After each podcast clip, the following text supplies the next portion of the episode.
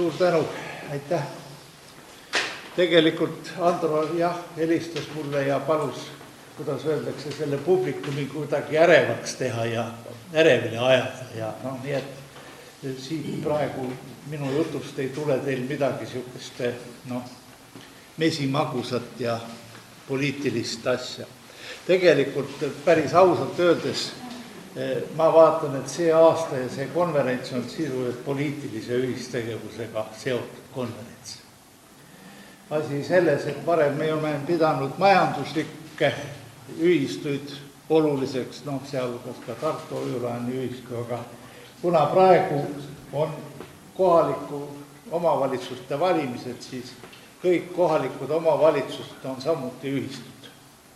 ja juba eelmisel, üle-eelmisel sajandil nimetas üks sakslane just nimelt kohalikku omavalitsust ühistu, ühistuks, et see ongi üks ühistu ja me hakkamegi kuueteistkümnendal oktoobril valima siin jällegi uusi omavalitsusi ja uusi koosseisu ja selles mõttes on tegemist täielikult poliitilise ühistegevusega.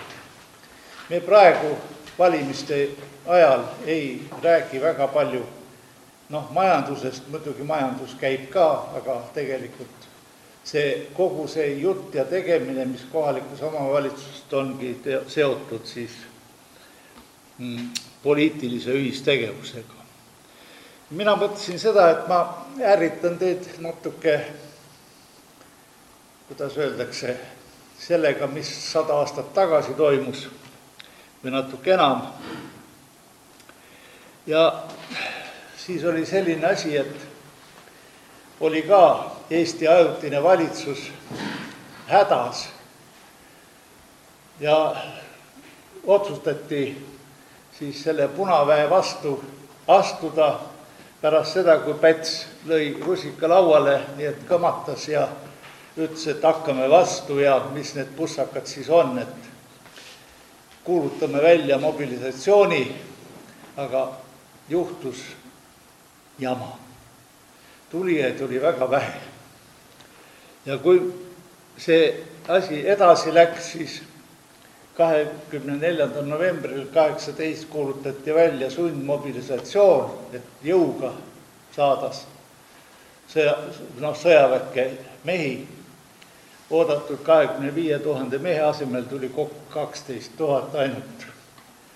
ja jama oli veel selles, et Viru rindele jah, saadetud kahe ja poole tuhandest mehest deserteeris koos neile jagatud püssidega ja relvadega tuhat viissada meest. noh, sisuliselt talumees sai aru, et sõjas käidud ja näed, karutapja ka käes ja mis mul sellest kuradi Eesti Vabariigist ja nii edasi nii edasi küsimus oli selles, et Eesti rahva ette ei olnud pandud selgeid eesmärke.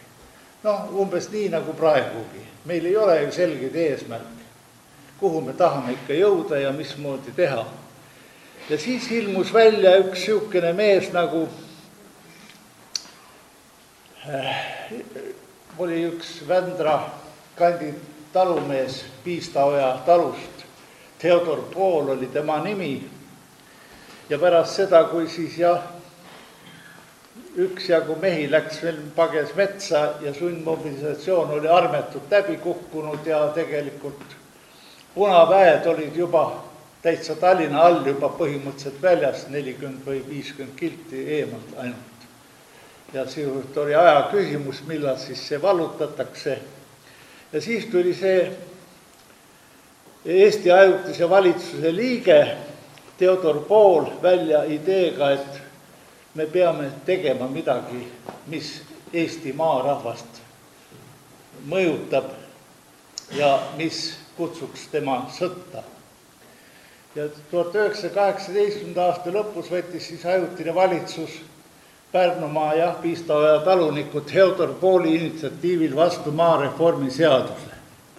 ja selles oli kaks olulist punkti vaat see kaks olulist punkti sisuliselt käivitas selle sõja, sõtta mineku.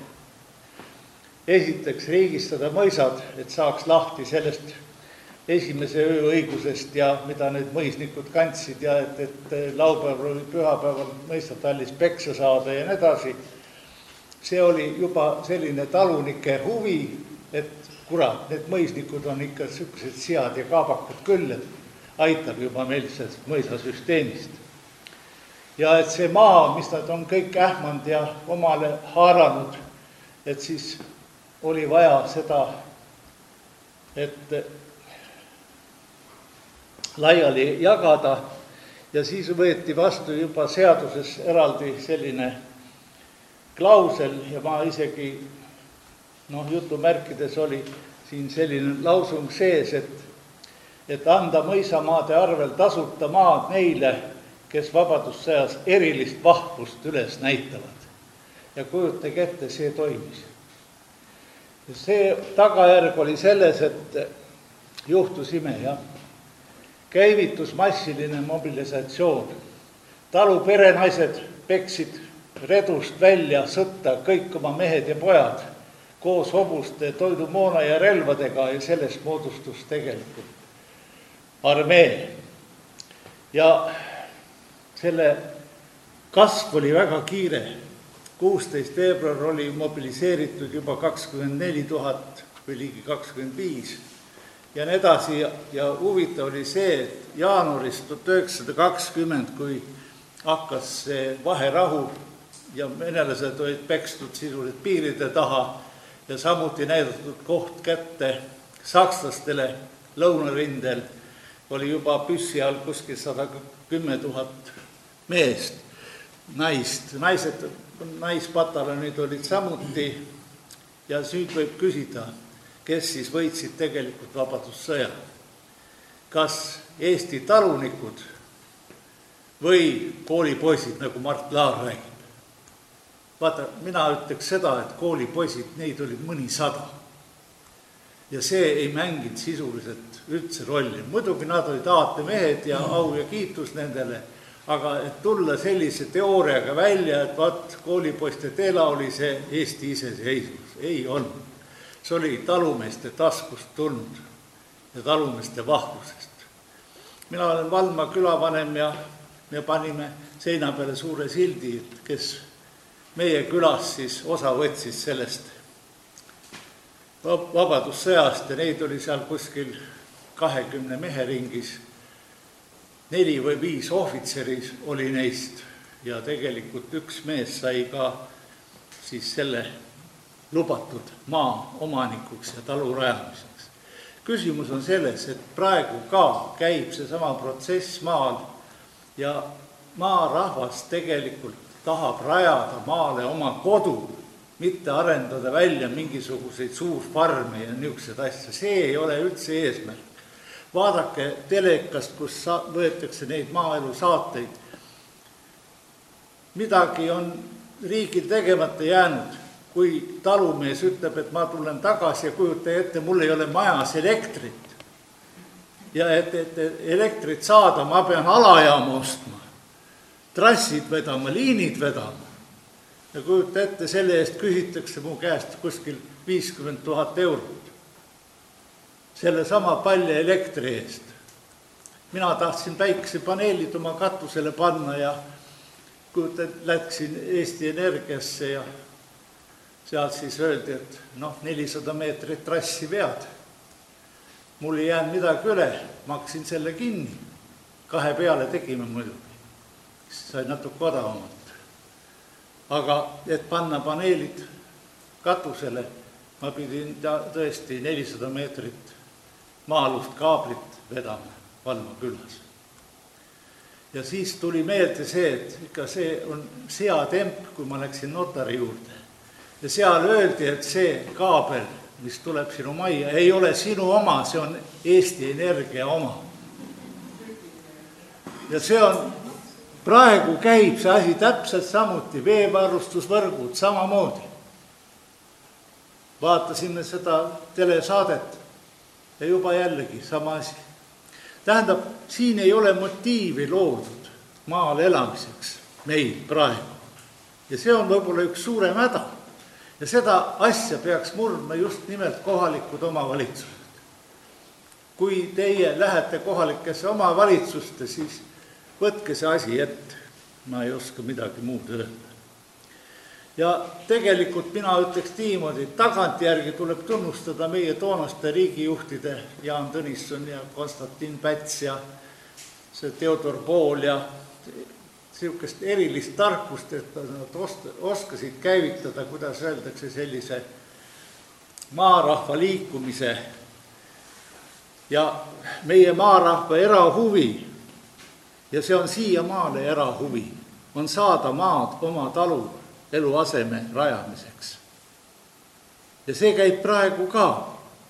ausalt öeldes vaba maad enam ei ole. selle on kõik ära erastanud ja ärastanud need suurtootjad. Nad on loonud isegi oma ühenduse juba, mis õnneks on praegu pool varju surmas, aga ta on olemas. vaadake internetist Eesti Suurtootjate Liitu, sealt näete. ja tegelikult Eesti valitsus toona pidas oma sõna. järgnevatel aastatel likvideeriti tuhat ükssada mõisa, mõisnikud saadeti kõik minema Saksamaale tagasi. mitte ainult Saksamaale, noh, läks ka siin praeguse Kaliningradi oblastisse ja nii edasi. aga nende mõisamaade asemele rajati rohkem kui viiskümmend tuhat uut elukohta, talu. talu ei ole tootmiskoht, talu on perele elamiskoht, see on põhimõtteline vahe. me ei saa anda toetusi näiteks Euroliidust, mis tulevad, nüüd tuleks anda Euroliidus toetusi rahvale oma kodu rajamiseks, aga mitte mingisugusele suurtootjatele suurfarmide ehitamiseks, mis reostavad ja lõhuvad meie maa. tegelikult vaata see seos maaga ongi see maa mõte, mis seostati isamaaga ja oma riigiga. Eesti rahvas ehitas oma maal oma perele kodud ja oma riigi tuhat üheksasaja neljakümnendal aastal oli Eestis juba sada nelikümmend tuhat talu, kus elas circa seitsesada tuhat peremehe, perenaise staatusega inimest. vaat see oli omaniku staatus. ja omaniku staatus paneb kaitsma oma eraomandit. mitte nii, et sulaned, mine nüüd sõtta. vaata, sulasega sõtta minek on jõle kahtlane värk. vot selle mehega nagu ei tahaks minna, see reedab su kohe ära poeg peitu ja nii edasi. aga kui majandus selle läbi kuulub ka rahvale, ühistupangad, ühiskindlustus, ühiskaubandus, ühiskaubandus on meil käest ära läinud, ütlen ausalt. see, mis praegu toimub Põlvas või kuskil mujal või Vändras, see tarbijate ühistusüsteem tuleks reorganiseerida kuidagi seal on sa-, tulnud etteotsa niisugused, kuidas ma ütlen, saamamehed. ja ühistööstus ja ühiskasutus ja pärisorjade riigis sai neljakümnendateks aastaks tegelikult omanike riik. ja vaat see oli selline poliitilise ühistegevuse tulemus. just nimelt tarkade meeste tulemus, aga mis meil praegu toimub? Hiibus joonistas mulle kadunud Hiibus niisuguse pildi ja seda ma olen näidanud. Me pakume välismaalastele oma Eestimaad, tulge, ostke, viige. eestlasi on juba siin välismaa, välismaalasi on juba Eestimaal kuskil, ma ei oska öelda, mit-, mitmed sajad, aga nende omanduses on kaugelt üle kümne tuhande hektari maad igal mehel juba ja neid on palju. ja tegelikult mõisaaeg paistab, et tuleb tagasi. Ja oleks hea, kui poliitilise ühistegevusega suudetaks seda protsessi peatada. kaua see maade äritsemine siin käib? ja sellega ongi minu ärgitav, teid ärgitav jutt lõppenud